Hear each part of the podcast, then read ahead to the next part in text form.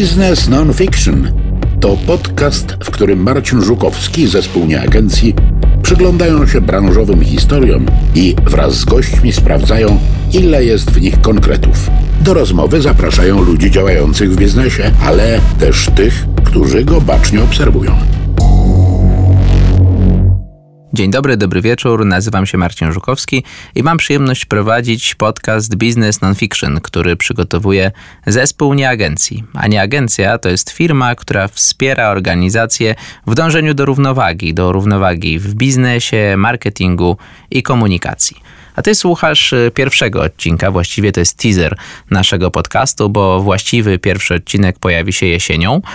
Y, podcast Business Nonfiction to jest podcast, w którym staramy się pokazać biznes i to, co wokół niego, takim, jakie jest. W każdym odcinku będziemy mieć kilka stałych części. Będzie główna rozmowa z gościem, będą korespondenci zakładowi, czyli głosy ekspertów i organizacji. Będzie również część muzyczna, a także część raport o stanie internetu internetów, którą możemy nazwać częścią bardziej rozrywkową. I właśnie od tej części dzisiaj zaczniemy. Przygotowuję klub komediowy i będzie to stały element gry w naszym pierwszym sezonie podcastu Business Nonfiction. Także życzę Ci miłego odsłuchu.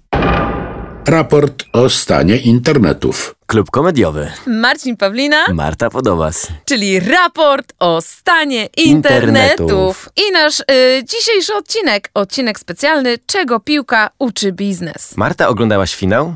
Y, oglądałam, oglądałam, ale dopiero y, te ostatnie rzuty y, karne, strzały karne, gole karne i bardzo ekscytujące, naprawdę. Y, z piłki nożnej nie wiem, co to jest spalony, ale domyślam się, że spalony w biznesie to jest bardzo negatywne określenie. Jeżeli takie istnieje. jeżeli takie, jeżeli takie istnieje. Ym, sport, piłka nożna w biznesie kojarzy mi się, znaczy takie skojarzenie pierwsze to jest grupowość, to jest walka o wspólny cel, y, stawianie sobie tych y, Q1, Q2, Q3, Q4, y, ASAPy i wszystkie te rzeczy, które dążą do tego, żebyśmy wspólnie jako firma osiągnęli swój goal. Totalnie. ASAP trzeba dobiec z jednej bramki do drugiej. Tak jest, Y, ale mówiłeś mi wcześniej o swoim wielkim marzeniu. O moim marzeniu, tak. E, wyobraziłem sobie taką sytuację, gdzie e, komicy, stand-uperzy, improwizatorzy mają tak samo ogromne transfery z klubu do klubów jak piłkarze. I teraz jeden klub komediowy podkupuje innego e, ko- komika drugiemu klubu komediowemu. Za miliony. Za miliony i mówi o tym cała prasa, internet o tym huczy, dzieciaki o tym spekulują. E, marzenie. Marzenie. No my w klubie komediowym wykorzystujemy, my też jesteśmy y, drużyną, też jesteśmy drużyną sportową, która, której celem jest rozbawić publiczność. E, My mamy mm, kilka spektakli inspirowanych biznesem, to jest Miłość na Asapie, e, czyli rzecz dzieje się w korporacji czasopisma Kobieta to ty. E, Mamy również improwizowaną rozmowę o pracę, czerpiemy z tego biznesu wszystko, wszystko co się tak naprawdę da zamienić w odrobinę chociaż e, komedii. E, Mamy również żart and biznes. Tak, to jest bardzo ważna część teraz klubu komediowego, gdzie jakby komedia jest żeniona biznesowi, gdzie, gdzie biznes może uczyć się e, współpracy, komunikacji, kreatywności przede wszystkim właśnie od komedii. Wydaje się to nie do połączenia, a działa to wspaniale, gdzie największe firmy e, współpracowały i były bardzo zadowolone. No i drodzy Państwo, nie zapomnijmy o y, luźnych piątkach, na których, w których możemy się sugerować modą sportową, nieskazitelne fryzury, I przychodzić w luźnych portkach. przychodzić w luźnych portkach, eksponować swoje wspaniałe łydki y, i po każdym luźnym piątku pod koniec pracy krzyczeć GOL! I y, tym przemiłym akcentem kończymy y, raport o stanie internetów. Klub komediowy. Marta Podobas. Marcin Pawlina. Dzień dobry, dobry wieczór. Marcin Żukowski, podcast Business Nonfiction. Dzisiaj porozmawiamy o biznesie i piłce nożnej i jeszcze pewnie paru innych tematach. Naszym gościem jest Bogusław Leśnodorski. Przedstawisz się? Bogusław Leśnodowski, bardzo mi miło. Prawnikiem jestem, trochę rzeczy w sporcie robię, całe życie w sporcie. Różne miałem epizody, między innymi w Legii Warszawa, więc coś tam się orientuję. Tak, to są, to Mam dobre, nadzieję, że podołam, no. dobre określenie, dobre określenie, że różne epizody. Właśnie chciałem zacząć od tego, że jak tak sobie myślę mm, i słuchałem kilku jakichś rozmów z tobą ostatnio, przygotowując się też do tej, do tej rozmowy, mm, trochę jest tak, że właśnie ten twoje, twój epizod legijny jest powiedzmy tym, gdzie się zacząłeś tak zdecydowanie bardziej pojawiać e, publicznie i być pewnie bardziej osobą publiczną niż wcześniej. No niestety, tak jest. no właśnie, to, to, mnie, to mnie ciekawi, od tego bym chciał zacząć może w takim razie. Jak to jest teraz, kiedy już z tego trochę odszedłeś, znaczy już nie jesteś w Legii i nie działasz jakby tak na bieżąco jako, nie wiem, prezes klubu na przykład, co jest pracą de facto 24 na 7, e, no to jak z tym funkcjonujesz? Bo tu jest taki ciekawy wątek, że wcześniej x lat wypracowałeś sobie pozycję w jakiejś zawodową. Co, prowadzę swoją firmę prawniczą. Jestem zaangażowany w kilka, może nawet w kilkanaście przedsięwzięć i również związanych ze sportem, czy to bardziej hobbystycznie, czy mniej, e, czy bardziej zawodowo, czy bardziej powiedzmy lifestyle'owo powiedzmy. Lubię to bardzo i no i bardzo dobrze sobie radzę w sensie, jeśli się pytasz o czas wolny, czy o mm, zorganizowanie życia. Jednak te pięć lat w klubie piłkarskim to jest tak jakby być na Księżycu. W związku z tym, jak wróciłem do normalnego życia po pięciu latach, dobrze mi jest z tym. No. Ale właśnie, czy to jest taki pobyt na Księżycu na zasadzie takiej, że to nie ma kompletnie nic wspólnego na przykład z życiem poza prowadzeniem klubu? Nic się nie przekłada, bo jakby to jest właśnie to, o czym chciałem trochę pogadać, bo jest kilka takich yy, wątków, że wiele osób mówi na przykład, no piłka nożna, sport, biznes mają bardzo wiele wspólnego, tu to, tu coś tam innego, zaraz jeszcze do tego przejdę. A ty mówisz, że to był taki czas trochę jak na Księżycu. To, co to znaczy, że jak na Księżycu? No, bardzo, trafiając do Legii, miałem nadzieję, że uda mi się łączyć inne aktywności właśnie biznesowe i życiowe e, z prowadzeniem klubu. Dość szybko mnie życie zweryfikowało i kompletnie mnie to pochłonęło na kilka lat i no kilku, poruszyłeś tyle wątków w tym pytaniu. Wybacz. Jest tak, że oczywiście, szczególnie piłka nożna dzisiaj to jest wielkie widowisko, rozrywka, show i bardzo duży biznes w ogóle potężny. Dotyczy to zresztą wielu takich sportów, które są powiedzmy bardzo medialne i, i ci sportowcy są rozpoznawalni i na świecie są to różne dyscypliny. Oczywiście piłka jest jednym z tych sportów globalnych, ale są też takie kraje, gdzie rugby czy krykiet jest super popularny, czy golf chociażby. E, No, o tenisie to nie wspomnę, bo to też jest e, globalna rozrywka. I, no i dzisiaj to już jest bardzo poważny biznes i bardzo istotna i szybko, jedna z dalej szybciej rozwijających się gałęzi gospodarki. W związku z tym nie da się oderwać jakby tej rzeczywistości biznesowej od e, sportowej. I bez tych pieniędzy i bez zarabiania pieniędzy w sporcie właściwie jest niemożliwe robienie czegokolwiek takiego na poważnym poziomie. No i właściwie tyle, no ale również błędem jest oczywiście to, co robi wiele osób. To znaczy mm, bardzo, szczególnie biznesmenów, którzy odnosili duże sukcesy w realnym świecie biznesu, jeszcze z, czy to teraz związanego z, nowych, z nowymi technologiami, z tym wszystkim, co się dzieje w ostatnich kilku czy kilkunastu latach na świecie, czy również wcześniej, bo wielu z nich po prostu starało się przenieść swoje doświadczenia biznesowe jeden do jeden do sportu i ponosiło niestety bardzo dotkliwe porażki. Tracili bardzo dużo pieniędzy, ludzie ich nie lubili. Piłka nożna ma jeszcze do tego wszystkiego cały ten aspekt związany z zasięgiem i z impaktem społecznym. To jest naj, największy organizator życia społecznego i, i ta odpowiedzialność społeczna i zaangażowanie emocji wielu dziesiątek, setek, czy nawet milionów ludzi, czy to w kluby piłkarskie, czy w grę reprezentacji na- narodowych, czy nawet te wszystkie e, zajęcia, treningi, czy szkółki dla dzieci, które są już powszechne, powoduje, że impact piłki nożnej jako zjawiska, nie tylko jako sportu, jest, jest bardzo, bardzo duży. Impact tych gwiazd piłkarskich, które stają się idolami, jest olbrzymi. I no, bardzo duża część życia społecznego. Właśnie ta odpowiedzialność i mm, ten temat stresu, powiedzmy tutaj, bo wrzuciłeś mm, wątek, że na przykład do piłki wchodzą osoby z branży nowych technologii i z branż takich, gdzie osiągnęli sukces w biznesie i potem wchodzą do tej piłki i tam jest takie myślenie... I zazwyczaj nie osiągają tego sukcesu. No właśnie, bo takie mamy, mamy w Polsce mm, chociażby dwa przykłady, które mi przychodzą na myśl ostatnio, czyli Stomil Olsztyn i mm, Wisła Kraków.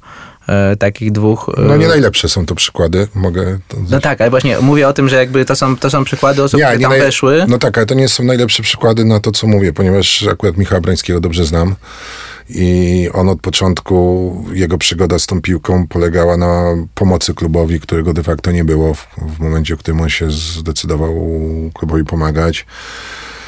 Na dość bliskim związku z miastem, które jak to w Polsce bywa, no te relacje się dość szybko zmieniły. I bliskie oni, związki, bliskie związki z miastami w polskiej piłce nożnej chyba to jest standard, no bo nie są dobrym pomysłem. No nie są, ale ciężko jest zrobić kompletnie prywatny klub, bo jednak ciężko sobie wyobrazić, że ktoś na przykład wybuduje stadion za prywatne pieniądze. Więc to... Tak, ale tutaj jakby chciałem, chciałem błysnąć znajomością tam 20 parę lat temu wątek Pogoni Szczecin i tam jakichś wątków y, tych tureckich inwestycji, które tam no były też, w Pogoni, tak, do, niedogadania, zmian władzy. Tak, Choć Pogoń typu. Szczecin jest przykładem takim bardzo pozytywnym. To jest, to jest jeden z takich pozytywnych przykładów. No ale skończą, kończąc wątek, no więc y, jakby ocenianie inwestycji Michała Brańskiego, który zresztą prawdopodobnie się wycofa z klubu, wydaje mi się, że trzeba jednak spojrzeć na to zdecydowanie pozytywnie. Znaczy uratował ten klub, stracił sporo swoich pieniędzy, zrobił to świadomie, e, zdobył doświadczenie, właściwie tam się nic nie zdarzyło takiego, co należałoby oceniać jako sukces czy jako porażkę.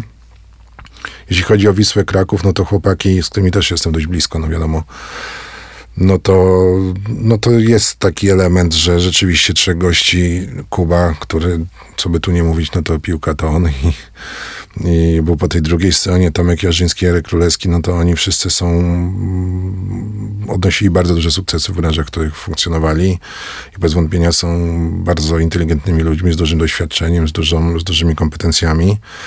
No ale te ostatnie dwa lata no, trzeba uznać jako taki czas, kiedy się uczyli i zdobywali doświadczenie. Na pewno wiele rzeczy zdarzyło się takich, szczególnie jeśli chodzi o ten aspekt sportowy, nie tak jak sobie to wyobrazili.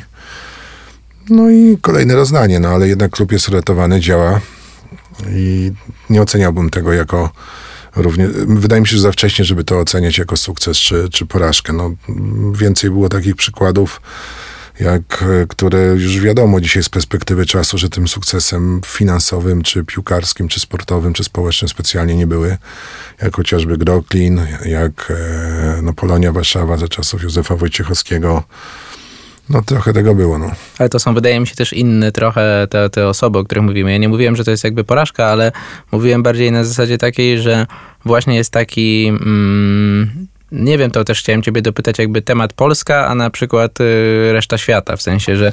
Nie da się kompletnie tego porównywać. No. Błędem jest porównywać, są zupełnie inne modele funkcjonowania. Od Niemiec, gdzie to w ogóle na inną historię, przez Czechów i Słowaków, których można by porównać do, do tego, co się dzieje u nas i no i jednak oni jako, no robią to lepiej. No właśnie, ale to, bo w Polsce to weźmy przykład, weźmy przykład Michała Brańskiego albo y, Wisły Kraków chociażby. Mówił, że tak, oni tu mają lekcję, tutaj w, włożył prywatne pieniądze i tak naprawdę je stracił i trochę jest dużo, du, wydaje mi się... ale stracił świadomie no, i to jest, to jest zupełnie co innego, ponieważ to nie jest tak, że on inwestując w ten klub liczył na zyski, zwroty.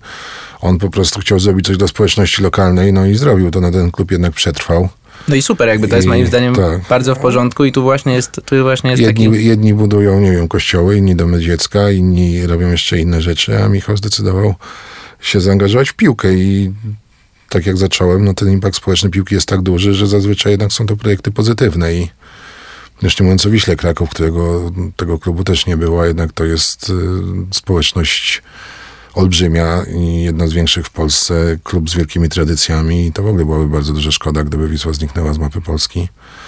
Więc zarówno trzech panów, jak i cała ta społeczność, która zresztą tam, oni mają wielu akcjonariuszy, nie wiem czy ty wiesz, tam yy, doszło do emisji akcji, które objęli głównie kibice, więc y, tych ludzi, którzy zaangażowało się tam finansowo jest bardzo dużo i czasami dla kogoś 500 zł jest więcej niż dla innego milion. W związku z tym to znowu pokazuje, jak duże piłka ma mm, jaki sposób podejmowania decyzji, nazwijmy to inwestycyjnych, jest, jak jest zupełnie inny niż w realnym świecie. No, tam jakby nie ma takiej kalkulacji wprost, że inwestuje 100, żeby wyjąć 120. Tak? Raczej wszyscy świadomi ludzie inwestują te pieniądze, ale bardziej, żeby osiągnąć sukces i zrobić coś dobrego, a mniej, żeby ciężko zaplanować, że się zarobi. Choć przed pandemią około tam pół roku, czyli koniec e, roku 2019 roku, największe fundusze światowe inwestycyjne już miały w swoich politykach inwestycyjnych e, zaangażowanie się grubo w sport, czyli w ligi różnego rodzaju, w kluby, no, przecież chyba CVC kupiło chyba ligę rugby japońską, zdaje się. No, były, były takie przypadki. No, przyszła pandemia, trochę zmieniła podejście, bo jednak brak kibiców na trybunach powoduje, że atrakcyjność biznesowa tych widowisk jest, jest zupełnie inna. Ale pewnie życie nie znosi próżni i będzie tak, że coraz więcej będzie pieniędzy, coraz więcej biznesu będzie w sportach. Natomiast również będzie coraz większa polaryzacja. Te sporty olimpijskie jednak, jak widać, troszeczkę są spychane na bok z mainstreamu, bo zainteresowanie społeczne jest nimi dużo mniejsze. Przy okazji olimpiady właściwie raz na 4 a lata. to w sumie są takie sporty, które na przykład mi się kojarzą jako te bardziej prawdziwe jakieś w pewien sposób. No tak, ja też jestem wychowany na, na sportach olimpijskich zdecydowanie. No ale nie uciekniemy przed tym. To jest, znowu wracamy do początku. Światem dzisiaj rządzą pieniądze. Jeśli ludzie chcą oglądać piłkę, to, no to będą oglądali piłkę, a nie rzut oszczepem. No.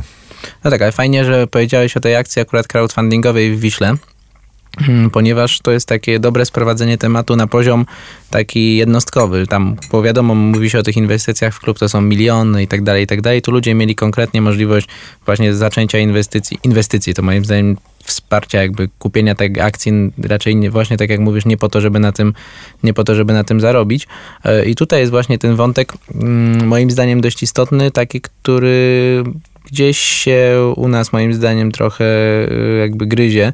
To znaczy to, że mówisz tak, tutaj ten pomógł społeczności lokalnej de facto właśnie no inwestując w pewien sposób, ale nie licząc na taki zwrot z inwestycji tradycyjny, jak w tradycyjnym biznesie. Tutaj też mieliśmy ileś tam tysięcy ludzi, którzy wrzucili e, a Mówisz kupi... teraz o Wiśle Kraków? No mówię teraz... No nie, no to tam już coś trzeba powiedzieć wprost, tam jakikolwiek elementu racjonalności biznesowej w podejściu zarówno Tomka, jak i Jarka, jak i Kuby, to ciężko szukać. Choć no właśnie, oni kupili czy... ten klub bardzo tanio w kontekście potencjału Wisły, więc ale, no tak, ale, ale jest... dalej nie sądzę, jakich znam, znaczy tam zdecydowanie, e, absolutnie zdecydowanie głównym, e, główną zmienną, która zdecydowała o tym, że oni się zdecydowali te pieniądze dokładać i również swój czas. Czasami ten czas jest w ogóle dużo droższy niż pieniądze.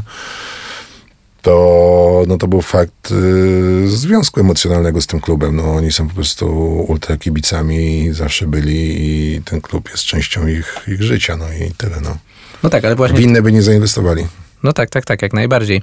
E, to spójrzmy na to właśnie w ten sposób, e, czyli to, bo to moim zdaniem nie jest nic złego, to znaczy ja nie chcę tego krytykować, to jest moim zdaniem w porządku właśnie, tylko że w takich... Nie, no przykład... bardzo w porządku, tylko ja cały czas próbuję jakby trzymać tą granicę pomiędzy właśnie inwestycjami w biznes tradycyjny, a sport, że mówisz dalej inwestycje, dalej pieniądze, dalej biznes, ale to jednak jest bardzo duża, no i... duża, duża różnica. O to, o to mi chodzi zdecydowanie właśnie, żeby gdzieś tam wyznaczyć trochę tą granicę, bo później na przykład są te, tak jak wspomniałeś, są kluby czy są ligi. Mówiłeś o, tych, o, o funduszu, który inwestuje w ligę rugby w Japonii, ale jak sobie zobaczymy na przykład na rugby w tak Polsce... Mi się, to, tak mi się wydaje, że tak, taka inwestycja... Ale to jest możliwe, no bo tam to jest zupełnie inny poziom tego rugby, bo akurat mam y, znajomych, którzy... No ale jest tych sportów, chociażby golf i tenis również, no.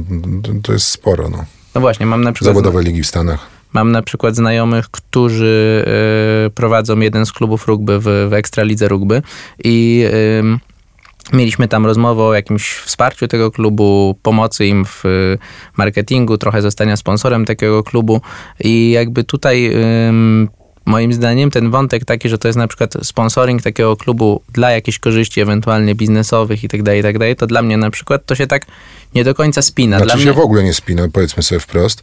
No ale są takie przypadki, jak Krzysiek Stanowski założył klubkę, to jest weszło. Ale to jest super przykład który, innego typu moim który, zdaniem, nie? bo to też ten impact. No impact społeczny i bardzo duże zasięgi, rozpoznawalność całej grupy weszło jego e, projekt wesoły, miły, przyjemny i gromadzi tą społeczność. Awansowali już drugi raz do, do, tym razem do Ligi Okręgowej. Ciekawe, gdzie ta droga się skończy, no ale jest takich przypadków trochę. No właśnie, ale to, to nie jest jakby wątek e, biznesowy, tylko wątek Ale taki... nie, no sponsorowanie takiego klubu jak KTS weszło na poziom e, oczekiwań finansowych, czy wymogów finansowych takiej Ligi jak Okręgowa ma sens ekonomiczny, ponieważ jednak zasięgi tego klubu są prawdopodobnie wielokrotnie wyższe niż e, topowych klubów rugby w Polsce, no. Mhm, czyli tutaj na przykład to jest coś, co się...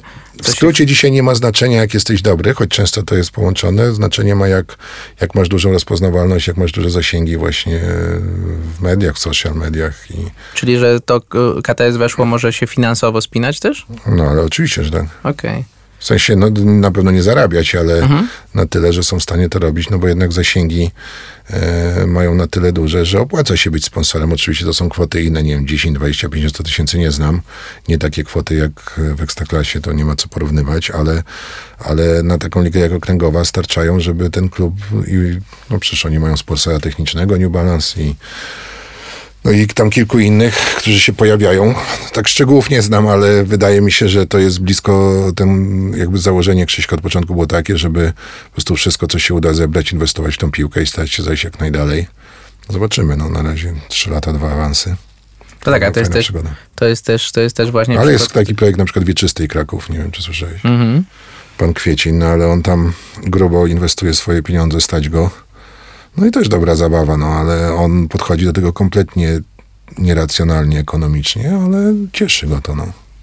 No tak, tak, tak właśnie. To jakby moim zdaniem jakby jedną z istotniejszych rzeczy, które chciałbym tutaj, żeby wyszła z naszej rozmowy, jest właśnie ten wątek trochę takiej ucieczki od tego wątku finansowego, w sensie takiej y, takiego zafiksowania zupełnego na to, że to jakby jest jakiś kolejny obszar biznesowy, w który wchodzisz. Na przykład, że powiedzmy jestem, prowadzę sobie jakiś Nie biznes. można tak do tego podchodzić. No właśnie, to jest moim zdaniem Nie można. Dlaczego nie można? Że na przykład, dobra, jestem powiedzmy sobie biznesmenem, mm, mam firmę i teraz sobie myślę tak, dobra, mogę się reklamować w taki czy inny sposób, a ja bym chciał się reklamować, za, nie wiem, zasponsorować sobie klub, jednocześnie później, nie wiem, mieć z tego jakieś korzyści finansowe No to i okej. dlaczego nie? Wiesz co, no, znaczy to oczywiście jest zła odpowiedź, złe pytanie. No, wszystko zależy, jakie masz oczekiwania. Można sobie wyobrazić, że jesteś lokalnym biznesmenem i reklamowanie się wobec klubu, nie, w klubie, nie wiem, trzecioligowym, który jest dosyć istotny dla lokalnej społeczności, e, ma dla ciebie sens ekonomiczny. To nie jest tak zero-jedynkowo, że nie. To jest, są, każdy po prostu przypadek jest inny. E, Wydaje mi się, że takim case'em, który warto przeanalizować, jakbyś chciał się głębiej pochylić, bardzo, bardzo ciekawym, to jest case Rakowa Częstochowa i Michała Świeczewskiego X-Komu. No on przeszedł całą tą drogę, można powiedzieć, cierniową z trzeciej ligi do wygrania Pucharu Polski. E, przy braku stadionu, właściwie zerowego wsparcia miasta, no bardzo, bardzo, bardzo było to trudne. E, Wydał na to bardzo dużo pieniędzy, choć i tak uważam, że większym kosztem dla niego był czas, który poświęcił temu klubowi, bo on jakby realnie tam pracował, on się tym zajmował. Prawdopodobnie by zarobił dużo, dużo więcej pieniędzy, gdyby w tym czasie zajął się biznesem swoim, a nie, a nie piłką. No ale gdzieś y, mogę sobie wyobrazić, że saldo tej inwestycji w długim okresie czasu wyjdzie na mu na plus w kontekście zwrotów mar- marketingowych dla X-Komu, chociażby budowania rozpoznawalności marki, świadomości i tam całej masy innych celów, które mogli chcieć osiągnąć, ale znowu wracam do początku, w momencie, kiedy to zaczynał, na pewno nie mógł tego zakładać. To znaczy, dzisiaj tak jest, ale to jest proces, którego nie da się zaplanować. Czyli nie możesz po prostu, odpowiadając na twoje pytanie, dlaczego nie, bo nie możesz usiąść i powiedzieć, dobra, to my zrobimy to, to, to i to i ta droga nas, wydamy tyle, tyle i tyle pieniędzy i ta droga gdzieś nas zaprowadzi. Nie ma szans. Ale też y, ten inwestycje, znaczy, dobra, znowu tam, to zaangażowanie w ten Raków trwa już x lat, w sensie jakby to No nie jest tak, tak, że wczoraj to zaczął, nie? No właśnie, więc to jest trochę, trochę wątek taki jak w, we wszystkich, y, we wszystkich tych piłkarskich y, klubach na przykład, gdzie jak sobie spojrzymy, y, że nie wiem, te kluby, o których sobie mówimy, że gdzieś tam powinny, te najlepsze, to one przez x lat funkcjonują w jakiś, na, jakiś, na jakichś zasadach funkcjonowania, nie wiem, takiego Bayernu, który i pod kątem y, zarządzania, i pod kątem własnościowym, i pod wieloma innymi względami jest jakby od x lat funkcjonujący na jakichś zasadach, więc gdzieś tam ta konsekwencja się zazwyczaj sprawdza, chociaż oczywiście, tak jak słuchałem którejś rozmowy z tobą, jest bardzo dużo nieprzewidywalnych e, zmiennych, dużo więcej niż powiedzmy właśnie w takim tradycyjnym, mm, tradycyjnym biznesie. Czyli jak mam to mm, przełożyć sobie na taki mm, powiedzmy chęć zrozumienia, to takie angażowanie się w sport, bo ty z kolei teraz na przykład angażujesz się w e-sport. Tak. Dobra, a dlaczego na przykład e-sport? To jest jakby znowu wiesz co, taki mieliśmy kaprys, bo jest bardzo kompetytywny.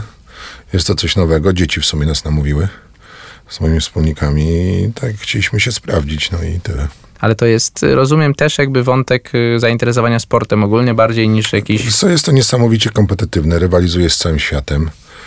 E, chcieliśmy zobaczyć, czy jesteśmy w stanie w, w stosunkowo krótkim czasie, nazwijmy to, zdominować tą naszą lokalną scenę i, i zrobić coś, co ma sens. Udało się to, jesteśmy bardzo zadowoleni i stoimy teraz przed takim, powiedzmy, wyzwaniem w tym roku, w przyszłym, co dalej.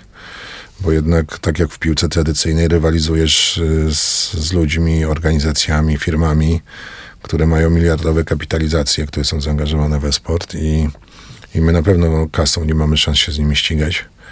Więc próbujemy być od nich mądrzejsi, sprytniejsi. Różnie to wychodzi, raz lepiej, raz gorzej.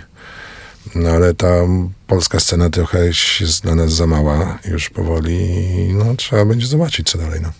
no nie jest wykluczone, że kiedyś na tym zarobimy, to, ale, ale to, to nie było imperatywem, który nas do tego popchnął a różnice pomiędzy właśnie e-sportem a sportem tradycyjnym, powiedzmy właśnie takim jak sobie chwilę wcześniej rozmawialiśmy, że na przykład te sporty olimpijskie są sporty powiedzmy takie... No e-sport zaraz się pojawi na olimpiadzie w związku z tym. No wiem, tak, tak, tak, jakby, ale jakby pytam na zasadzie takiej, że wiesz, że właśnie część osób na przykład widzi, że ten prawdziwy sport to jest to, że używamy jakby naszych mięśni i tak dalej, i tak dalej, bardziej niż w e-sporcie, a widzisz jakąś taką różnicę, że na przykład e-sport to nie angażujemy się, bo to jest w sumie wspieranie tego, żeby dzieciaki siedziały przy komputerach na przykład, czy to jakby... No to jest jakby szczyt y, niezrozumienia, ponieważ po pierwsze nie uciekniemy przed pewnymi zjawiskami, które mają miejsce i jak chcesz mieć kontakt z tymi młodymi ludźmi, to ten gaming szeroko pojęty, na którego szczycie jest właśnie e-sport, to, no to jest jedna z... No tak dzisiaj ten świat wygląda. Czy nam się podoba, czy nie, czy się zgadzamy, czy nie, no to dzieci będą w te gry grały i dorośli też będą w te gry grali i będą grali coraz więcej. I można dużo pozytywnego z tego, z tego wyciągnąć. Zresztą szachy się bardzo przenoszą do internetu również i coraz więcej turniejów i, i, i rywalizacji jest w internecie. Ta pandemia szczególnie spowodowała, że dużo, dużo się pozmieniało. No więc nie wiem, ludzie grali w brydża na wysokim poziomie, jest cała masa. Jakby no tak, to trochę też taki sport w sumie, no. Tak, rozrywka intelektualna, czy już nie mówiąc o pokerze, który jest absolutnym światowym e, hitem i to jest olbrzymia w ogóle gałąź gospodarki i właściwie kompletnie próbuje wyjść z hazardu. Ten poker nie udaje im się to szczególnie w Polsce, to jest przykre, bo na świecie te, te turnieje są to są normalne turnieje z polami nagród, takie jak w tenisie czy gdziekolwiek indziej. I no tak, no nie zawsze trzeba podnosić ciężary, żeby rywalizować. No. To wrócę mm, do dwóch wątków, które jednak ja sobie tak wyciągam coś takiego, co by z tego mm, zaangażowania w sport można przełożyć na takie codzienne funkcjonowanie kogoś, kto powiedzmy słucha tego podcastu, prowadzi sobie jakiś swój biznes albo pracuje w jakiejś korporacji na jakimś tam poziomie i są dwie rzeczy, które moim zdaniem są jakby istotnym elementem. Pierwsza, która mi przychodzi do głowy, to jest e, wątek konsekwencji pewnej w tym działaniu, to znaczy... Konsekwencji, determinacji, dyscypliny, rywalizacji, no ma masę, masę zmiennych. Czyli na przykład po epizodzie, jak mówiłeś, będąc prezesem Legii, jak wróciłeś do swojej firmy, to tutaj na przykład w swoim działaniu... Wiesz co, ja robiłem dużo innych rzeczy, nie wiem, pomagałem Legii Koszykarskiej bardzo dużo, Zagłębiu Sosnowiec, Idze Świątek przez całe lata, z Jankiem Bargielem podróżowałem i też mu sporo pomagałem. No tak, ale Teraz tu... się w to na sport, jakby to jest trochę styl życia, no jeśli chcesz e, i masz takie możliwości, żeby zrobić coś dobrego dla dla szeroko pojętej społeczności sportowej i zresztą też polskiej, no bo jednak my jesteśmy takim... No impact na... społeczny mówiłeś tak, jakby, tak, jesteśmy, jest... jesteśmy narodem zrywów i lubimy bardzo... To są pozytywne wzory na sam koniec dla tych dzieci. E-sportowcy również mogą być takim wzorem bardzo pozytywnym, chociażby Pasza Biceps, nie wiem czy słyszałeś, no to jest mega gość, bardzo go lubię, zresztą się, się kolegujemy, super facet. I jeśli można wspierać ludzi, którzy mają talent, determinację, swoją ciężką pracą, chcą osiągnąć coś na światowym poziomie, no to należy to robić. No to jest odpowiadając jak na to, co mówiłeś, jak ktoś sobie siedzi po prostu i chce zacząć coś robić. Można to robić e, angażując swój czas, można to robić angażując pieniądze. Mnie zdecydowanie zawsze jakby korciło po prostu takie zobaczenie i testowanie granic, gdzie jest granica możliwości ludzi, czy drużyn, czy klubów czy organizacji w kontekście rywalizacji międzynarodowej, no bo uważam, że tam zdominowanie w czymkolwiek rynku polskiego nie jest aż tak trudne. Ale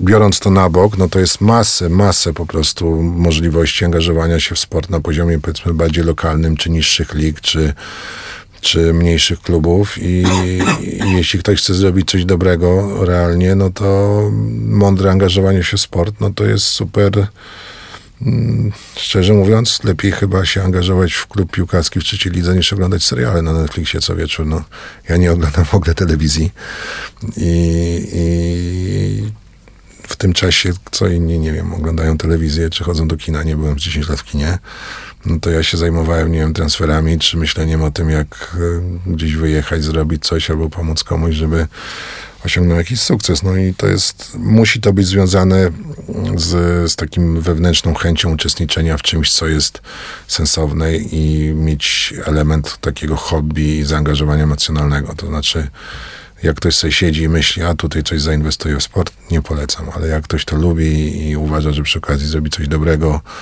i, i patrzy na to z dłuższej perspektywy czasu i nie oczekuje zwrotów finansowych, to uważam, że na wszelkich poziomach i we wszystkich dyscyplinach warto.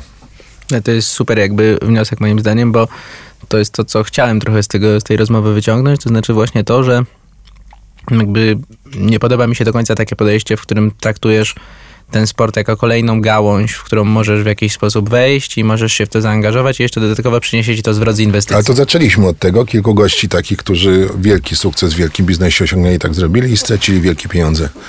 I twarz bardzo często, ponieważ ludzie ich po prostu nie lubili. No tutaj jakby wracając do tych, do tych klubów, które już tu padły, to moim zdaniem takim jednym z przykładów wspomniana Wisła Kraków, tylko ta Wisła Kraków wcześniej e, Wisła Kraków e, za Bogusława Cupiała. Tam po prostu jakby to e, ilość e, jakby pieniędzy wpompowanych w to i jakby... No ale było wesoło, cieszyli się, zdominowali polską scenę, no nie, jednak taki powiedzmy zabrakło czegoś, ponieważ nie awansowali do tej Ligi Mistrzów. E, to jest jedno, plus nie zbudowali żadnych struktur w tym klubie, to znaczy ten klub opuszczony przez Bogusława Cupiała po Potem trafił w... padł na pożarcie e, ludzi, którzy niekoniecznie byli zainteresowani tym, żeby on dobrze funkcjonował dalej. No, więc na pewno było dużo plusów. Gość miał dobrą zabawę, ludzie się cieszyli, wygrywali Mistrzostwo Polskie, blisko było tam ze dwa czy trzy razy. Ale w sporcie nie ma przypadków, to znaczy to nie jest tak, że e, raz coś się może zdarzyć, ale jak, jakby powtarzanie wyników sportowych, czy, czy pewnych osiągania, osiąganie pewnych celów konsekwentne, to jest mm, dużo więcej przypadków jest w realnym biznesie niż w sporcie. O. Czyli to, że na przykład mamy pecha podobno, czasami jako jakaś drużyna, to to Chodzi ci o naszą reprezentację na, Euro? na przykład, nie? Słabi byliśmy, bardzo. W ogóle nie mieliśmy pecha. Nic się tam nie zdarzyło pechowego. Nawet można powiedzieć, że mieliśmy bardzo dużo szczęścia, bo mieliśmy Roberta Lewandowskiego, który jednak starał się coś ciągnąć. Gdyby taki Lewandowski złapał kontuzję, co się w piłce dzieje, no bo to jednak jest sport drużynowy, no to myślę, że w ogóle by nas zmiotło z planszy, tak, żeby nie było co zbierać. A tak to jeszcze były takie momenty jak my z Hiszpanią, czy Pogoń No, gdzie za- też mieliśmy szczęście, bo karny strzelony w słupek. Wiesz co, ale to tak jak mówię, no to nie jest szczęście, no to jest... e, raz mieliśmy szczęście, raz peka. No suma szczęścia w piłce jest zero zawsze. A suma szczęścia w biznesie? Znam wielu ludzi, którzy e, takim się dobrze złożyło, że no, że skorzystali z tego szczęścia i już nic nie muszą robić. Ale to myślisz, że tam działają jakieś zupełnie inne mechanizmy? na co, takiej no, nie, no, zwróć uwagę chociażby na pandemię. No, nagle się okazało, że, że sporo osób, które miało sensownie funkcjonować, świat jakby nie przewidział takiego rozwiązania, jakie miało miejsce w marcu zeszłego roku, że po prostu się zamknie. I w tym czasie e, było bardzo wielu beneficjentów tej sytuacji, którzy wyrośli na milionerów czy miliarderów kompletnie przypadkiem, no bo byli akurat zaangażowani w jakąś branżę, która nagle stała się super atrakcyjna. No i wielu też takich, którzy z dnia na dzień e, polegli, no. To trochę tak, ale sorry, to trochę tak, ale z drugiej strony wydaje mi się, że było też dużo takich przypadków, że ktoś był w jakiś sposób oczywiście nieprzygotowany na pandemię, bo czegoś takiego nie przewidzisz, ale ten biznes, który prowadził, był mm, dość sensownie poukładany i na przykład mógł sobie pozwolić na to, że przez parę miesięcy będzie miał zdecydowanie mniejsze przychody i będzie miał to odpowiednio zabezpieczone. Tak, no ja mogę powiedzieć na własnych doświadczeniach, że nam na przykład chociażby w kancelarii Ja zarządzam tą swoją firmą prawniczą od tam dwóch, trzech lat.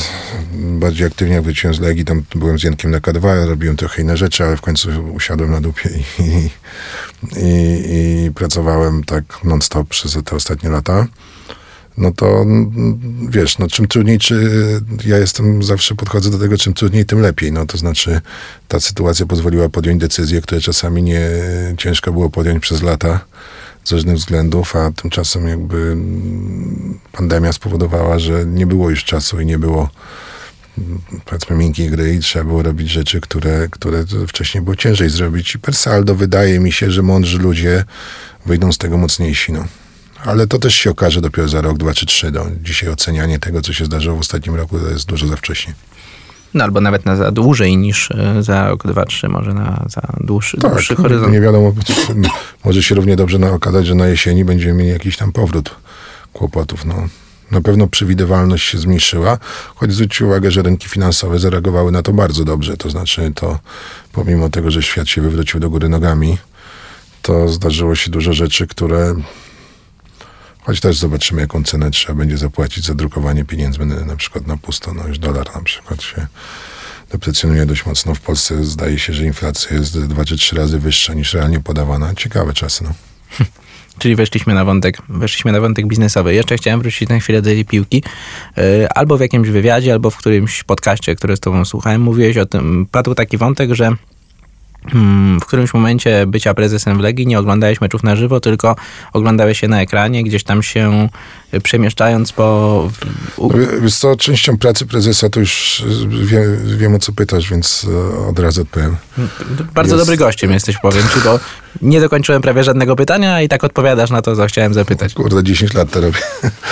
E, Jest e, ten, powiedzmy, element e, hospitality, który, no jesteś gospodarzem takiego stadionu, tak? I, I przychodzi dużo ludzi, którzy na ważne mecze polityków międzynarodowe, no biznesmenów, sponsorów, partnerów, e, znajomych, byłych piłkarzy, trenerów, no ludzi z wielu środowisk.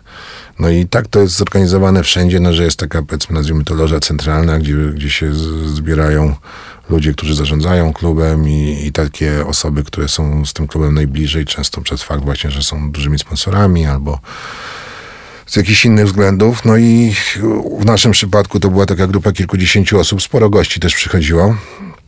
I ciężko jest połączyć. Ja byłem bardzo zaangażowany, byłem bardzo blisko drużyny.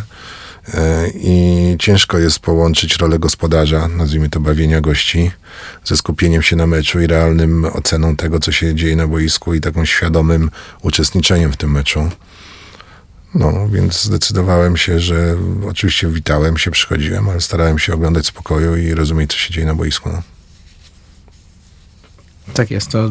Mm, ale to... Nie, przestało mi to po prostu sprawiać kompletnie przyjemność. Nie byłem w stanie się skupić na meczu. Robi, mecz jest świętem. Pracujesz na to, żeby zagrać ten mecz. Cały klub, dziesiątki, setki osób w takim klubie jak Legia pracują na to, żeby czy w lidze, czy w pucharach zagrać ten mecz. I jak przychodzi to święto, chciałbyś te, przez te, nie wiem, dwie godziny móc je z nimi przeżyć. A tymczasem znowu dostajesz łomot, bo musisz się zajmować jakby innymi rzeczami i tłumaczyć, dlaczego ktoś pobiegł w lewo czy w prawo. A tymczasem ludzie, którzy nie wiedzą, jakie są założenia taktyczne, oceniają piłkarza, że on na przykład, nie wiem, podaje do tyłu. Ci goście na przykład, Tak, rozumiem. tak. No, no tak, a tak. trener mu kazał podać do tyłu, tak? Więc siedzisz z ludźmi, którzy mówią, nie no, fatalny mecz, on tu robi, kto go wystawił, a tymczasem goś schodzi z boiska i trener mu gratuluje, że wypełnił wszystkie zadania taktyczne, więc nie jesteś w stanie na żywo tego wszystkiego tłumaczyć i po prostu masz zbyt dużą wiedzę, żeby być z kibicami takim partnerem do dyskusji. Poza jeszcze jest duży ładunek emocjonalny, zazwyczaj duża gra o stawkę, w Legii każdy mecz jest ważny w ogóle, więc wszystko razem. Okej, czyli to jest taki case trochę jak oglądanie meczu z grupą znajomych, którzy przykład- się nie znają. Tak, chodzę na kadrę od lat na, na Narodowy właśnie. Zbyszek Boniek i Maciek Sawicki zawsze zapraszają. I ten poziom emocji jest również wielki, ale jednak y, to jest dużo fajniejsze. Bardzo chętnie oglądam na trybunie, bo, bo no już nie muszę pełnić roli, że jestem gościem po prostu i, i nie muszę pełnić tej roli gospodarza, ale współczuję czy Zbyszkowi Bońkowi, czy, czy Markowi Koźmińskiemu, czy Maćkowi Sawickiemu, no bo oni tam jakby są najbardziej zaangażowani w to, że w tak ważnych momentach mają, po prostu to jest ich praca, no. Przychodzą do pracy, a nie obejrzeć mecz, no. Dużo fajnie się ogląda mecz, jak nie przychodzi do Jako pracy. kibic, rozumiem. Tak, tak, tak. Tak, zdecydowanie. A powiedz w takim razie jeszcze, to trochę na kanwie tego, kiedyś pracowałem właśnie w social mediach, o czym wcześniej rozmawialiśmy. To było często tak, że ludzie, znajomi jacyś, jak się dowiadywali, że pracuję, w, pracuję na Facebooku, to mówi, ale super, masz pracę, pracujesz na Facebooku. Tylko dla mnie to już było troszeczkę właśnie za dużo tego na przykład, absolutnie, więc to tak podobny, podobny wątek trochę. A powiedz w takim razie jeszcze, jak już wspomniałeś Zbigniewa Bońka i mm, wątek reprezentacji Polski jeszcze, to jak mówiłeś wcześniej, że byliśmy słabi na Mistrzostwach Europy i teraz jest dużo takiej krytyki, nawet wydaje mi się, że więcej krytyki wobec Bońka niż wobec y, trenera Sousy. No dobra, to też... To już chcesz odpowiedzieć, Nie, no wyjaśnię ci to, bo to jest bardzo w ogóle ciekawy case. Ludzie, po pierwsze ludzie nie mają pojęcia, co mówią. To jest pierwsza rzecz, tak w masie. I tak każdy mówi, żeby coś powiedzieć. E, jest taki wątek, którego się nie porusza, że zakłady bukmacherskie są super popularne. I bardzo często ci ludzie po prostu na przykład wylewają frustrację, bo postawili pieniądze nie tak jak trzeba i je stracili. O tym się w ogóle nie mówi. Ale to jest moim zdaniem tak ze dwie trzecie tego hejtu, który się pojawia, to jest wynik frustracji związanej z, z bukmacherką. E, to jest jakby jeden aspekt. Drugi aspekt, jak nie jesteś w środku, to nie wiesz wszystkiego, jakby co tam się dzieje. Nie wiesz na przykład do końca, czy ta drużyna była zmęczona, niezmęczona, zdrowa, chora. Bardzo możliwe, że pięciu piłkarzy, nie wiem, wyszło na przykład chorych na ten mecz, bo się zatruli dzień wcześniej, tak. Czyli jest cała masa zmiennych, które powodują, że ten moment wygląda jak wygląda. Oczywiście, jak się kilku zatruło, no to też można powiedzieć, że trochę nie dopatrzyliśmy na przykład pilnowania tego, żeby się nie zatruli. No ale to, takie po prostu gdybanie, żeby próbuje pokazać, że są zmienne, których nie widać po prostu na zewnątrz, a które też decydują o tym, jak taki, e, jak taki mecz wygląda, chociażby jak kontuzje, tak? Czy, czy, które też jest elementem nieprzewidywalności. No i teraz dochodzą do Zbyszka Bońka. To jest facet z bardzo dużą charyzmą, jest bardzo silnym ego i z bardzo silną osobowością. I on był po prostu prawdziwym i naturalnym liderem. I ja przeżywałem, nie, nie porównuję się, broń Boże, do niego. Myślę, że jesteśmy zupełnie inni, ale trochę sposób, mój sposób funkcjonowania w Legii, jego w PZPN miał na pewno jakieś tam wspólne cechy. W każdym razie, jak jesteś takim liderem, no to masz te momenty chwały, bardzo krótkie, to jest kilka, kilkanaście razy w roku, a głównie zbierasz łomot, bo jesteś poddany silnej presji i bardzo dużej krytyce. No i Zbyszek Boniek jeszcze ma to do tego, że nie gryzie się w język, nie, nie wypowiada się w ten sposób, e, który mógłby mu tego poklasku społecznego przysporzyć. W związku z tym bardzo często wypowiada kontrowersyjne tezy i potrafi je obronić. Ma swoje zdanie praktycznie na każdy temat, a na tej piłce rzeczywiście się zna.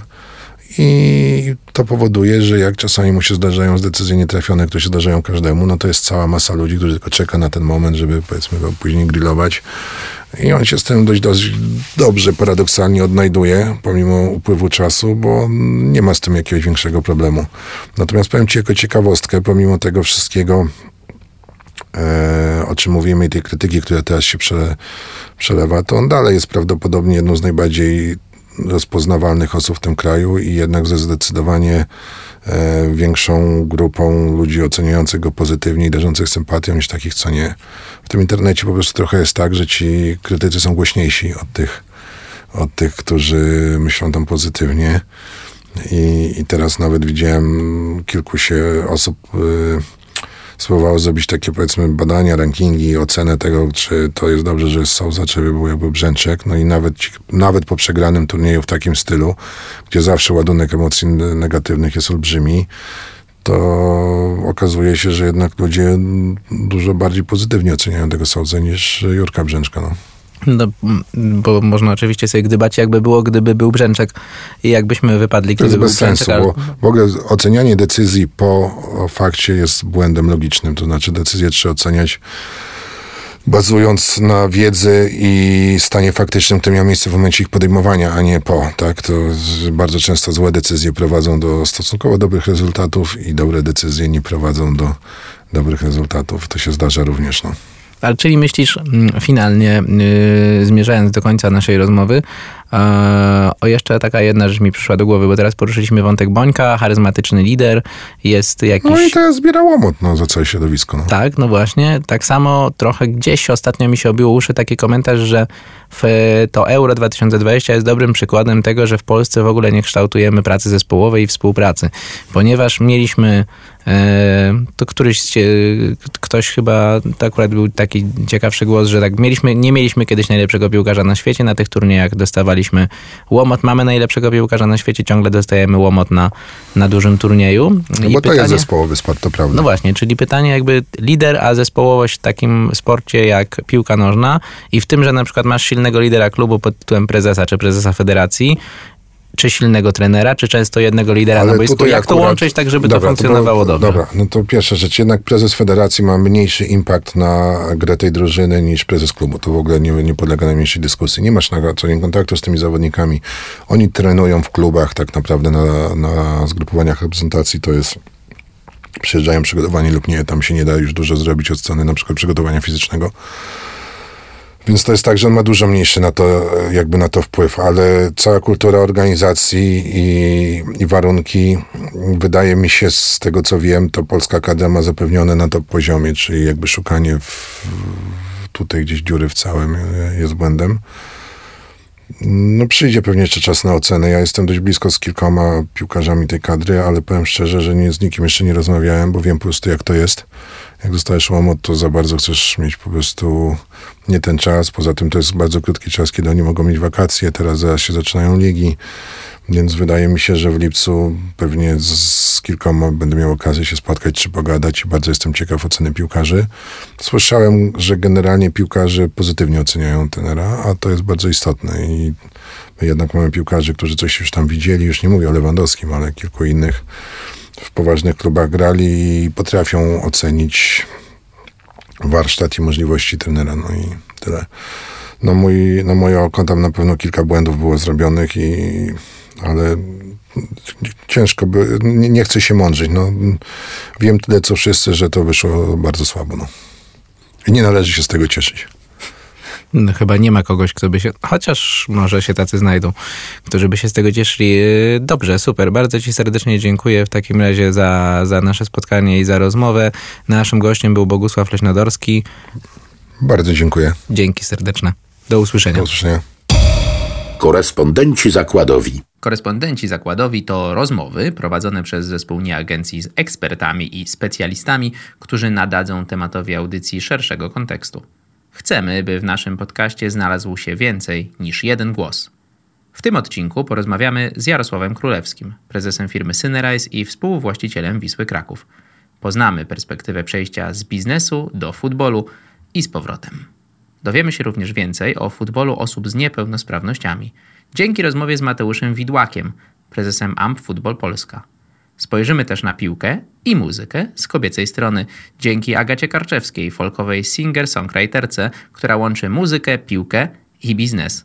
Naszym korespondentem zakładowym jest w tym odcinku Bartek Wilim, członek zarządu i współtwórca nieagencji. A teraz Jarosław Królewski, przedsiębiorca, założyciel i prezes zarządu Synerise, inicjator akcji ratunkowej Wisły Kraków, obecnie współwłaściciel klubu. E, cześć Jarku. Dzień dobry, witam.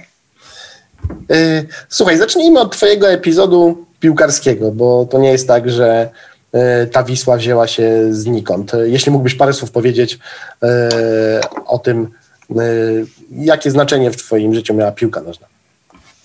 Wiesz co, wydaje mi się, że ona była w moim życiu ca cały czas. Jakby jak pochodzi z małej miejscowości, no to może dwie rzeczy robić, które są jakąś tam formą rozrywki. Jedna to jest oczywiście piłkarska, więc dzień w dzień jakby młody kilka godzin dziennie poświęcałem na piłkę nożną. E, druga oczywiście to była jakaś rozrywka naukowa, więc po prostu się uczyłem. E, potem e, z tej wioski udało mi się awansować nie wiem, do, do klubu, który wówczas był w najwyższej fazie, takiej grupie rozgrywkowej, wówczas jeśli chodzi o juniorów do lat 19 i tam mierzyliśmy się na co dzień z Wisłą Kraków, z Krakowią, więc tam jakby tak trochę półprofesjonalnie trenowałem tą piłkę nożną. No a potem udało mi się jeszcze na AGH, gdzie jak pewnie wiesz jest dużo dużo mężczyzn, więc tam drużyna piłkarska była naprawdę wysublimowana, jeśli chodzi o, mm, o zespół. W tamtejszym AZS-ie osiągaliśmy dużo świetnych, niesamowitych rezultatów krajowych w kontekście piłki nożnej i, i to, jest, to jest coś od tej strony, tak jak powiedziałbym, fizycznej, praktycznej, że faktycznie w tą piłkę gdzieś grałem, a, a sam byłem wiele lat wielkim fanem i jestem dalej futbolu, jego oddziaływania na masy społeczne, więc to od tej strony praktycznej. Jasne. No, później nastąpił y, transfer jakby do, do biznesu y, i tutaj y, jakbyś mógł powiedzieć z twojej perspektywy, jak się te dwa światy przenikają teraz z twojej obecnej perspektywy? Jakby z jednej strony mhm. świat biznesu, z drugiej strony świat, świat futbolu. E, bardzo myślę, że trafne w ogóle pytanie. I teraz e, to, co jest dla mnie moim zdaniem kluczowe, ja bardzo nigdy w cudzysłowie nie lubię, jak e, określany jestem człowiekiem biznesu, bo wydaje mi się, że jestem daleki trochę od tego archetypu. Ja przede wszystkim chciałbym być gdzieś tam, wiesz, człowiekiem jakiegoś, jakiegoś intelektu, produktu, jakiegoś takiego budowania gdzieś tam wartości, impaktu, niż takiego biznesu, który w naszej części świata, Europy może być uzasadniany, jakby, jakby trochę kojarzony z z inną formą gdzieś tam kupienia czegoś taniej, sprzedania drożej i tylko tyle. Mi, mi to budowanie wartości na, na trochę innych jakby metodach odpowiada. E, natomiast to, co ci muszę przyznać jako coś, co jest dla mnie e, e, bardzo interesujące, jest ogromna, jakby powiedział, ogromne podobieństwo między tym, jak funkcjonuje na przykład drużyna piłkarska, nie mówię jako klub, ale jako drużyna piłkarska w sensu mhm. stricte, e, a na przykład firma. W dzisiejszych czasach, jeśli mówimy o firmie e, wysokich technologii, tak, tak zwanego deep techu, te światy są absolutnie bardzo podobne w kontekście, nie wiem, transferu świetnych ludzi do takiej organizacji, charyzmy liderów, zarządzających, staffu, nie wiem, dnia meczowego, jakby, jakby kondycji mentalnej, jakby chęci, jakby, wiesz, pokonywania trudności, pomocy ludziom, którzy mają słabsze okresy, jakby walki jako drużyna w momentach bardzo trudnych, nie wiem, biznesowo, jakiś fakapach i tak dalej, i tak dalej. Więc tu jest bardzo dużo takich podobieństw do tego, że dzisiaj nie da się wygrywać i w cudzysłowie tym biznesie, technologiach, e, nie mając odpowiedniego mindsetu lub nie mając tak powiedziałbym, charyzmy w, liderach, to w szatni, czy na boisku, czy gdzieś indziej. Tak samo jest dzisiaj w technologii. I to jest niesamowite, że te światy są dzisiaj e, bardzo bliskie w kontekście tego, jak ja to gdzieś tam pojmuję. Dla mnie przede wszystkim jest to pewnego rodzaju, ja w ogóle wierzę w formę takiego mm, e, budowania, nie wiem, e, człowieka jako jednostki przez różnego rodzaju doświadczenia. Ja uważam, że jakby tutaj czasami taki defokus e, potencjalny jest dużo bardzo ważny, dlatego że on też uczy człowieka wielu różnych sytuacji, które potem mogą, mogą być wykorzystywane czy w biznesie, czy, czy gdzieś indziej. Ja na przykład przez Wisłę Kraków stałem się mega odporny na nie wiem, na jakieś szumy medialne, jakieś, jakąś ogromną presję, stres różnego rodzaju, nie, wiem, negocjacje, działanie w takim, powiedziałbym, całym czasie, cały czas w, w, w, momencie takiej niepewności, więc wiem, wiem i wierzę w to, że wykształciłem sobie dzięki temu, tej przygodzie wiele różnych takich cech, których gdzieś tam nie miałem z punktu widzenia tego, e, gdzie jestem i co robię, więc uważam, że tutaj synchronizacja jest gdzieś tam pełna. No nie? Mo, można iść, tak jak wielokrotnie podkreślałem, wywiadach, różnego rodzaju nie wiem, szkolenia, kursy, jak zarządzać ryzykiem, jak, jak sobie radzić w sytuacjach stresowych, negocjacjach lub po prostu doświadczać tego na, na sobie. Ja myślę, że takim doświadczeniem była właśnie Wisła Kraków i jest dalej Wisła Kraków z kolejnymi celami do osiągnięcia. No właśnie, bo tutaj w tym, w tym świecie, e, nazwijmy go sobie, e, biznesu właśnie, e, mimo tego, że zarządzasz dużą firmą i dosyć znaną wśród osób, które mają znać, natomiast nie jest to taka masowa świadomość zupełnie. Firma zajmuje się zaawansowanymi technologiami. A z kolei właśnie, tak jak wspomniałeś, Wisła, Kraków, no to wystawiasz się tam jakby na strzał wśród też takiej specyficznej grupy w ogóle osób, więc myślę, że tutaj w twoim przypadku przypadku to doświadczenie y, było bardzo, bardzo kluczowe. A powiedz, tak, czy... zdecydowanie. Mhm. Mhm, przepraszam, to śmiało, kontynuuj. Tak, zdecydowanie, wiesz, ja ufam generalnie, że ten progres można dokonywać nie sobie w organizacjach, tylko taką metodą krytyczną. Więc ja uważam, że wbrew temu, co wielu ludzi myśli dzisiaj na przykład o hejcie, ja uważam, że on może być bardzo konstruktywny, bo wiadomo, że jak człowiek jest w miarę racjonalny, inteligentny, to z całej masy hejtu jest w stanie wy, wyłowić ten, w cudzysłowie, hejt prawdziwy, który realnie uderza w rzeczy, które e, są naszymi gdzieś tam problemami. I w tego aspektach powinniśmy być e, mega mocno, moim zdaniem, mm, że tak powiem, mieć taką samą świadomość, taki self-awareness tego, co robimy, taki self-assessment tego, co robimy. I ja, ja na przykład bardzo często czytam te rzeczy, dlatego że uważam, że jest w nich wiele na przykład prawdy, które jakby nie ma co odrzucać od siebie, tylko po prostu ją brać na klatę i ewentualnie ją zmieniać. Nie? Oczywiście forma jakichś filtrów musi gdzieś tam istnieć. Jasne.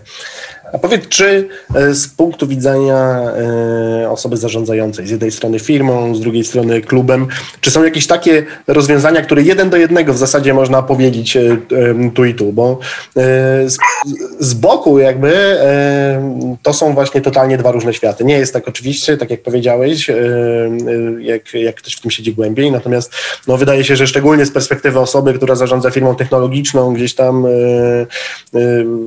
przechodzenie płynne do świata futbolu, który kojarzy się gdzieś tam no, momentami jeszcze z, jakimś, z jakimiś e, anachronizmami, archaicznymi rozwiązaniami i tak dalej.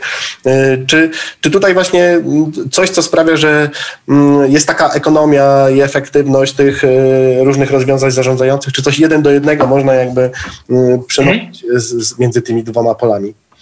Mhm. Oczywiście, tak jak wspomniałeś, trudno dzisiaj e, powiedzieć, wiesz, że, e, że Sunrise dzięki, nie wiem, mojemu zaangażowaniu w Wiśle Kraków na przykład sprzedaje więcej sztucznej inteligencji, tak jak hot dogów na stadionach e, lub w Żabce, więc jakby tutaj ta e, rozpoznawalność cudzysłowie trochę nawet czasami przeszkadza, no bo pamiętajmy, że na przykład no, Wisła Kraków jest jednym z 18 zespołów teraz w Ekstraklasie, więc teoretycznie rzecz ujmując 17 e, zespołów z fanami biznesowymi tych zespołów jest jakby against Wisła, nie? Natomiast e, inna sprawa jest jakby taka, że jakby no, jednak cały czas gdzieś jest na świeczniku z każdym ruchem, który się zrobi, czy jakimś błędem, który się popełni. Czy istnieje jakby, czy te modele gdzieś zarządzania w jakiś tam sposób się przenikają? Ja uważam, że żyjemy teraz w jakichś czasach przemodelowania większości modelów zarządzania, których czytaliśmy w książkach lub myśleliśmy, że są jakieś, są walid, są odpowiednie na dzisiejsze czasy. I myślę, że każdy teraz trochę uczy się, jak zarządzać talentami, jak zarządzać, nie wiem, tą taką ekonomią wartości. Natomiast myślę, że jest wiele różnych takich, e, myślę, że bardziej technik pewnie, które, które mają znaczenie w przypadku futbolu i jakby myślę, że takich e, firm, które zajmują się wysokimi technologiami, to przede wszystkim jest, wiesz, motywacja, do robienia rzeczy, które trochę przekraczają nasze możliwości. Tak my w Synrise ostatnimi czasy wygrywamy bardzo dużo międzynarodowych konkursów w zakresie sztucznej inteligencji, to trochę tak jakbyś, wiesz, uczestniczył w jakiejś tam lidze mistrzów i walczył o rzeczy, które przekraczają twoje możliwości finansowe, przekraczają twoje możliwości, jeśli chodzi o aktywa, moc rezonowania samym sobą na cały świat, a mimo wszystko nie jesteś w stanie trochę jak taki trochę jak Kopciuszek wygrywać pewnego rodzaju gdzieś tam batalie. Więc ja uważam, że co do modeli zarządzania, trudno mówić dzisiaj o jakichś takich paradygmatach czy frameworkach, które moglibyśmy dzisiaj porównywać, bo sama myślę, że IT przechodzi jakąś taką specyficzną rewolucję w tym zakresie. Natomiast co do technik, wydaje mi się, że jest dużo zbieżnych tematów, które właśnie mają, mają wpływ na to, jak jak chcemy dzisiaj pracować nad jakąś taką mm, charyzmą jednostek, współpracą w grupie, osiąganiem jakichś tam celów, poprawianiem taktyki, jakichś strategii, e, czy ten meczy, czy, czy również na przykład w kontekście roadmap produktowych i tak dalej. Więc myślę, że to jest dużo takich podobnych jakby wątków decyzyjnych i, i że tak powiem psychologicznych, które, które warto gdzieś tam odfajkować i mieć w głowie. Super. Dzięki za rozmowę, Jarku. Mhm. Również dziękuję. Naszym gościem jest Mateusz Widłak, y, prezes Amp Football. Cześć Mateusz. Dzień dobry, cześć. Y, Mateusz, na początek myślę, że warto przybliżyć słuchaczom, y, co to jest w ogóle Amp Football. Jeśli mógłbyś powiedzieć kilka słów na ten temat. Tak jest. Amp Football to jest piłka nożna dla osób po amputacjach, osób z wadami kończyn. Mówiąc w skrócie, piłkarze grający w polu mają jedną nogę, grają o kulach, tą jedną nogę kopią piłkę, a bramkarze mają jedną, jedną rękę, którą bronią e, dostępu do bramki. Brzmi to zawsze dziwnie, jeżeli ktoś, e, myślę, że już sporo osób w Polsce e, słyszało, widziało tą dyscyplinę. Jak ktoś nie słyszał, to brzmi to zawsze dziwnie, ale, ale sport jest bardzo dynamiczny, bardzo fajny do oglądania, no i też zyskuje na popularności w Polsce i na świecie. No właśnie. Ty od samego początku budowałeś tutaj od podstaw, można powiedzieć, zainteresowanie tą dyscypliną. I chciałbym troszkę o to zapytać. Zwykle jak mówimy o futbolu w kontekście biznesu, to mówimy o dużych, uznanych klubach, które są już markami ze swoimi zasobami, ze swoimi kibicami, ze swoją tradycją. Powiedz, jak od podstaw udało Ci się zbudować tutaj właśnie zainteresowanie, y, swego rodzaju ligę, federację. Mhm. No tak, ta historia y, naszej amfutbolu w Polsce, ale też też w Europie jest, jest taka dosyć niesamowita, bo jest no, typowa historia od zera, od zera, zupełnego zera do, do czegoś fajnego, bo zaczynaliśmy w, już prawie 10 lat temu. Pierwszy trening organizowałem tej dyscypliny w Polsce. No nie mieliśmy nic, nie mieliśmy żadnych pieniędzy, ja nie miałem znajomości, w piłce, ani byłem po prostu młodym chłopakiem. Pierwszy trening się odbył, bo jechało się kilkunastu chłopaków właśnie w amputacjach, którzy chcieli grać w piłkę. Graliśmy na jakiejś sali gimnastycznej na klepce. Jeden z tych chłopaków przywiózł piłki, bo nawet tego nam brakowało. Trener przyjechał, który miał tylko poprowadzić ten pierwszy trening, też nieznajomy, a finalnie został trenerem reprezentacji polskiej, który jest do dzisiaj z nami, zdobywa medale, e, medale mistrzostw więc no, to, to takie, były, takie były początki. Dzisiaj mamy e, reprezentację Polski, która właśnie już no, jest uznana na świecie, zdobyła medal Mistrzostw Europy, doszła do półfinału Mistrzostw Świata, już zagrała tych meczów e, bardzo dużo. E, mamy Amfutbol Ekstraklasę, czyli Polską Ligę Amfutbolową, w której grają takie drużyny, sekcje amfutbolowe Legii Warszawa, Wisły Kraków, Widzewa Łódź, Podbeskidzia Bielsko-Biała, więc no dużych, dużych, dużych marek. E, mamy też programy juniorskie, Juniorem Football, Futbolowa Banda, Football Plus dla dzieci niepełnosprawnych, które rozwijamy ogólnopolsko i, i działamy. Dostaliśmy też za te projekty nagrodę UEFA. Współpracujemy właśnie z UEFA, z PZPN-em, z Robertem Lewandowskim, z wieloma znanymi piłkarzami, więc no, historia, historia jest niesamowita i no, zawsze miło mi wspominać te początki, jak, jak właśnie wyszliśmy na tą klepkę bez, bez, bez piłek, bez stroju, bez niczego i i to, co udało się zrobić, ale myślę, że to jest jakiś e, cały czas, e, jakiś cały czas przystanek w drodze do jeszcze czegoś e, fajniejszego. Jasne, ale na pewno na tej drodze gdzieś pojawiła się też konieczność pozyskiwania sponsorów, zainteresowania biznesu tą dyscypliną i powiedz, czy to było mm, łatwe? To nie było łatwe. To było w, dzisiaj mamy już tych sponsorów sporo Mamy też duże marki takie jak PZU czy, czy Energa, które nas wspierają. Wcześniej byliśmy Zoshi. No jest, jest tych sponsorów sporo. Mamy, można powiedzieć, tutaj przetarte e, ścieżki, ale na, na początku e, sponsorów nie mieliśmy. Ja się odbijałem od wielu, od wielu firm, próbowaliśmy, ale, ale gdzieś e, w pewnym momencie powstał pomysł na to też powiązany właśnie z tymi ambasadorami, z budowaniem ekwiwalentu, z promocją, z mediami E, zaproponowaliśmy kilku markom taką małą współpracę.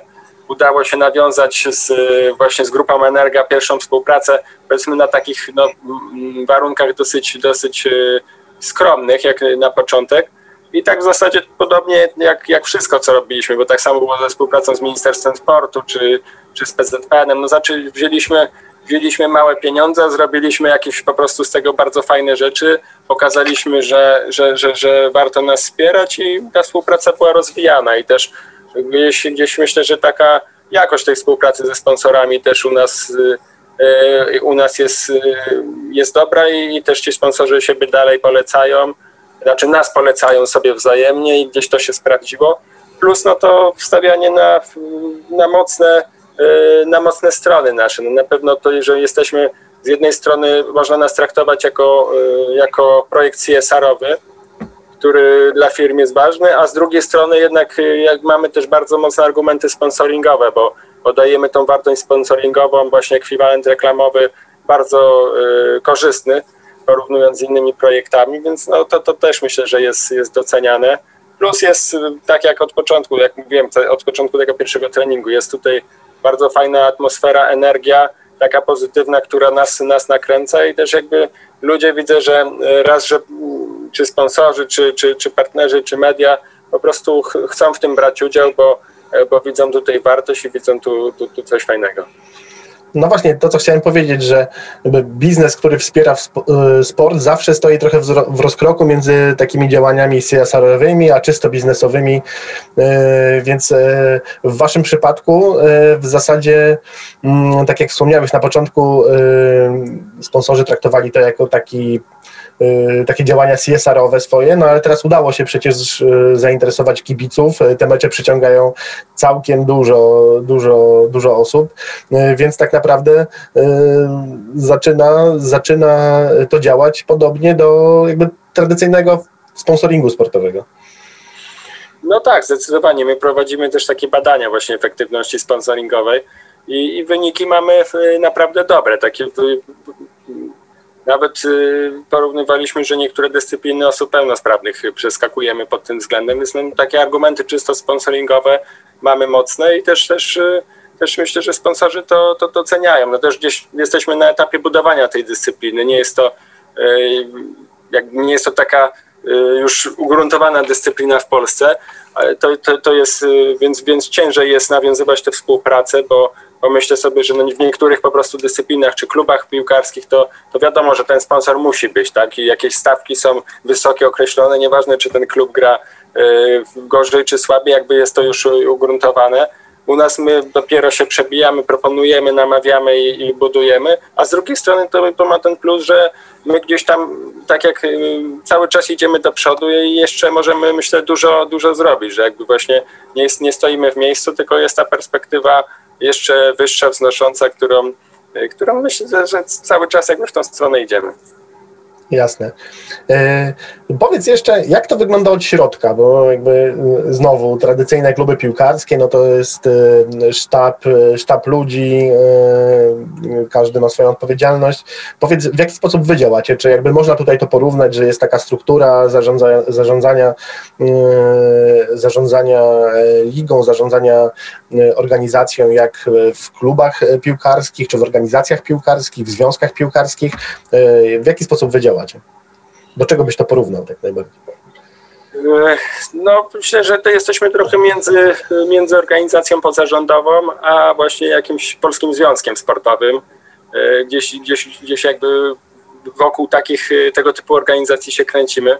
Przez lata działaliśmy jako stowarzyszenie i, i w zasadzie e, ja byłem też sam przez, przez wiele lat tutaj w organizacji, można powiedzieć, w biurze, więc robiłem wszystko sam, od, no wszystko po prostu takich, z takiej działalności biurowej, bo jeżeli chodzi o, o, o na przykład zaplecze trenerskie, no to mamy sztaby szkoleniowe przy drużynach, przy, mieliśmy też dużo wolontariuszy w różnych miejscach, ale, ale to w biurze byłem sam, a dzisiaj już mamy zarejestrowany Polski Związek Camp Footballu, czy jakby z punktu widzenia formalnego to jest ten sam poziom, co, no nie wiem, PZPN czy, czy Polski Związek Siatkówki, a z praktycznego punktu widzenia, no to mamy już kilka osób, właśnie mamy biuro, mamy kilka osób w biurze, udało się też to trochę rozbudować. Nadal to jest y, kilka, kilka tylko osób, y, tej pracy jest dużo, więc y, wszyscy są tu zapracowani. Teraz też ze względu na euro, na Mistrzostwa Europy, które nas czekają we wrześniu, które są wielką imprezą, mamy powiększony trochę zespół, ale razem ze mną to jest sześć osób w biurze, już jakby biorąc pod uwagę ten, ten zespół euro, więc nadal nadal to, to, to, to nie jest jakaś, myślę, duża liczba jak na organizację. No I jakby tym zespołem obsługujemy te wszystkie projekty, y, prowadzimy ligę, właśnie reprezentację, te projekty dziecięce i szykujemy Mistrzostwa Europy. No to jest to niesamowite z, z, punktu widzenia, z punktu widzenia, z mojego punktu widzenia, gdzie też, też prowadzę, prowadzę firmę i że tak mały zespół jakby zarządza takimi dużymi e, projektami, e, to jest e, niesamowite. Mateusz, bardzo dziękuję za rozmowę. Trzymamy kciuki we wrześniu na, na euro. No i tyle. Dobra, tak się to się, to się Dzięki wielkie. Do zobaczenia. A teraz Agata Karczewska, wokalistka, autorka tekstów, pasjonatka angielskiej piłki i wierna kibicka Manchester United. Cześć Agata. Cześć. E, Agata, swego czasu grałaś w amatorskim e, zespole piłkarskim. E, wciąż wiele osób, szczególnie w Polsce, uważa, że to sport typowo męski. Powiedz kilka słów o swoich doświadczeniach i swojej perspektywie. E, tak, to znaczy ja, ja, trochę nie rozumiem tego, dlaczego w Polsce piłka nożna jest tak strasznie postrzegana jako sport męski, bo tak naprawdę e, nie wiem, no mężczyźni nie mają jakichś specjalnych predyspozycji do tego, żeby grać w piłkę nożną. E, z moich takich prywatnych doświadczeń, no to ja pamiętam, że, że zawsze moje granie w piłkę wiązało się z um, graniem z chłopakami na podwórku e, i cały czas to była po prostu walka o to, żeby jakoś tam się do nich dołączyć, zostać zaakceptowanym, um, zaakceptowaną przez grupę. E, I no i to jest bardzo smutna perspektywa. Myślę, że wszystkie osoby, które tak uważają, które nadal tak uważają w XXI wieku, e, polecam im iść na jakiś mecz e, złych dziewczyn na Kawęczyńską i myślę, że wtedy zobaczą, że, że piłka nożna to jest również sport dla, dla kobiet. E, no właśnie, miejmy nadzieję, że to się zmieni i wszystkich zapraszamy na mecz, żeby przekonać się, e, jak to wygląda w rzeczywistości, a nie e, w stereotypach. Mm, a teraz wróćmy na chwilę na Twoje boisko, na którym nie amatorsko, a zupełnie zawodowo zajmujesz się muzyką. Powiedz, jak ta branża wyglądała w czasie pandemii. E, też znowu z Twojego punktu widzenia, jakby wszyscy, wszyscy wiemy, że nie było łatwo, e, ale powiedz, jak to wyglądało w Twoim przypadku. No, był to taki totalnie depresyjny moment, bo y, wszystkie te takie najfajniejsze rzeczy nam, artystom, zostały właściwie odebrane. Nie graliśmy żadnych koncertów. E, oczywiście mogliśmy pisać rzeczy nowe, ale z takim zastrzeżeniem, że w sumie nawet nie, wi nie wiadomo było, kiedy wreszcie wrócimy do koncertowania i, i grania tego przed ludźmi. E, więc był to czas naprawdę trudny. Bardzo się cieszę, że, że wreszcie e, jest jakiś delikatny powrót do, do grania na żywo i ja już mam za sobą jeden koncert E, I w ogóle to jest totalnie nowe życie teraz, jak, jak, jak wróciłam do tego, więc mam nadzieję, że kolejna fala e, koronawirusa nas nie zaleje i, i, i będziemy mogli normalnie wrócić do pracy artystycznej. E, no właśnie, jak ten pierwszy koncert? No, powiem. Ci, że byłam mega, mega zestresowana, bo jednak ta przerwa była tak długa, ale no wiadomo, jest to strasznie miłe, jak, jak po takim czasie wychodzisz na scenę, prezentujesz to, co, to, co e, napisałeś i e, jakby czerpiesz z tego totalną radość, że, że to się wreszcie dzieje i jest to takie połączenie naturalne z ludźmi. Super. Opowiedz teraz kilka słów o kawałku, który e, za chwilę zagramy. E, Prince Harry. Skąd geneza, skąd pomysł? E, Prince Harry to jest taka piosenka, która jest e, hołdem dla e, Angielskiej, którą ja kocham i którą oglądam bardzo namiętnie. E, I tytułowy Prince Harry jest trochę księciem Harrym Windsorem, a trochę, chyba już nie Windsorem, e, a trochę e, takim hołdem dla Harry'ego Kane'a, czyli dla napastnika Tottenhamu. I ogólnie, jakby, jeżeli ktoś ogląda Ligę Angielską, to myślę, że w tej piosence można znaleźć dużo różnych odniesień do poszczególnych klubów i E, i piłkarzy. Super, wielkie dzięki za rozmowę. Dzięki. Muzykoteka. Muzykoteka to natomiast część podcastów, w której będziemy słuchać artystek, artystów i ich muzyki. To jest miejsce, w którym będziemy starać się znaleźć link pomiędzy biznesem, sprawami społecznymi i kulturą, no bo przecież w końcu wszyscy funkcjonujemy w jednym tym samym świecie.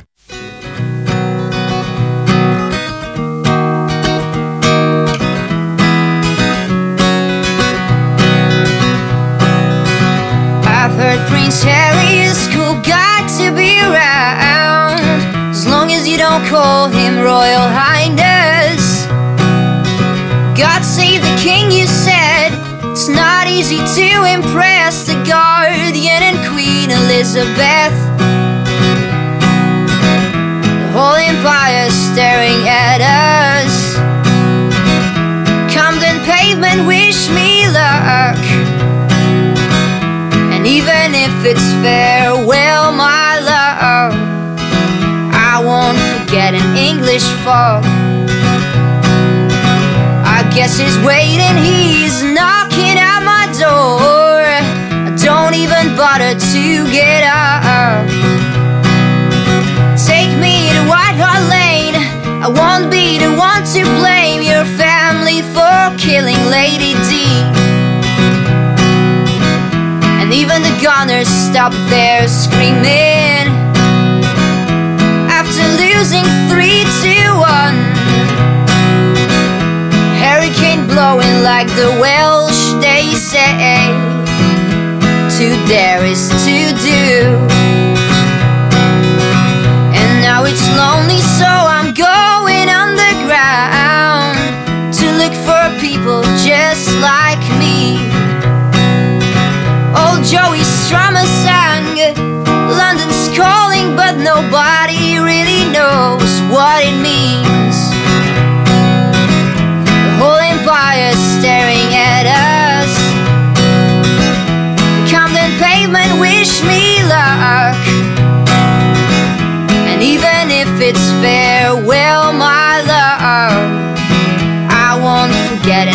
Spanish fog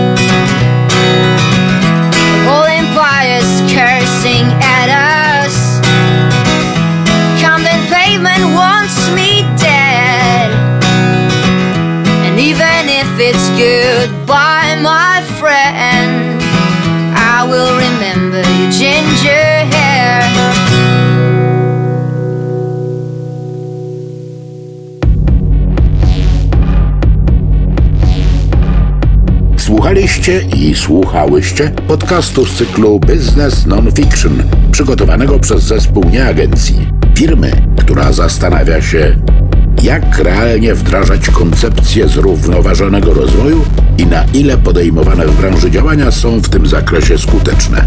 Ty też możesz w tym pomóc. Dowiedz się jak. Szukaj nas w serwisach streamingowych na LinkedIn oraz na nieagencja.pl.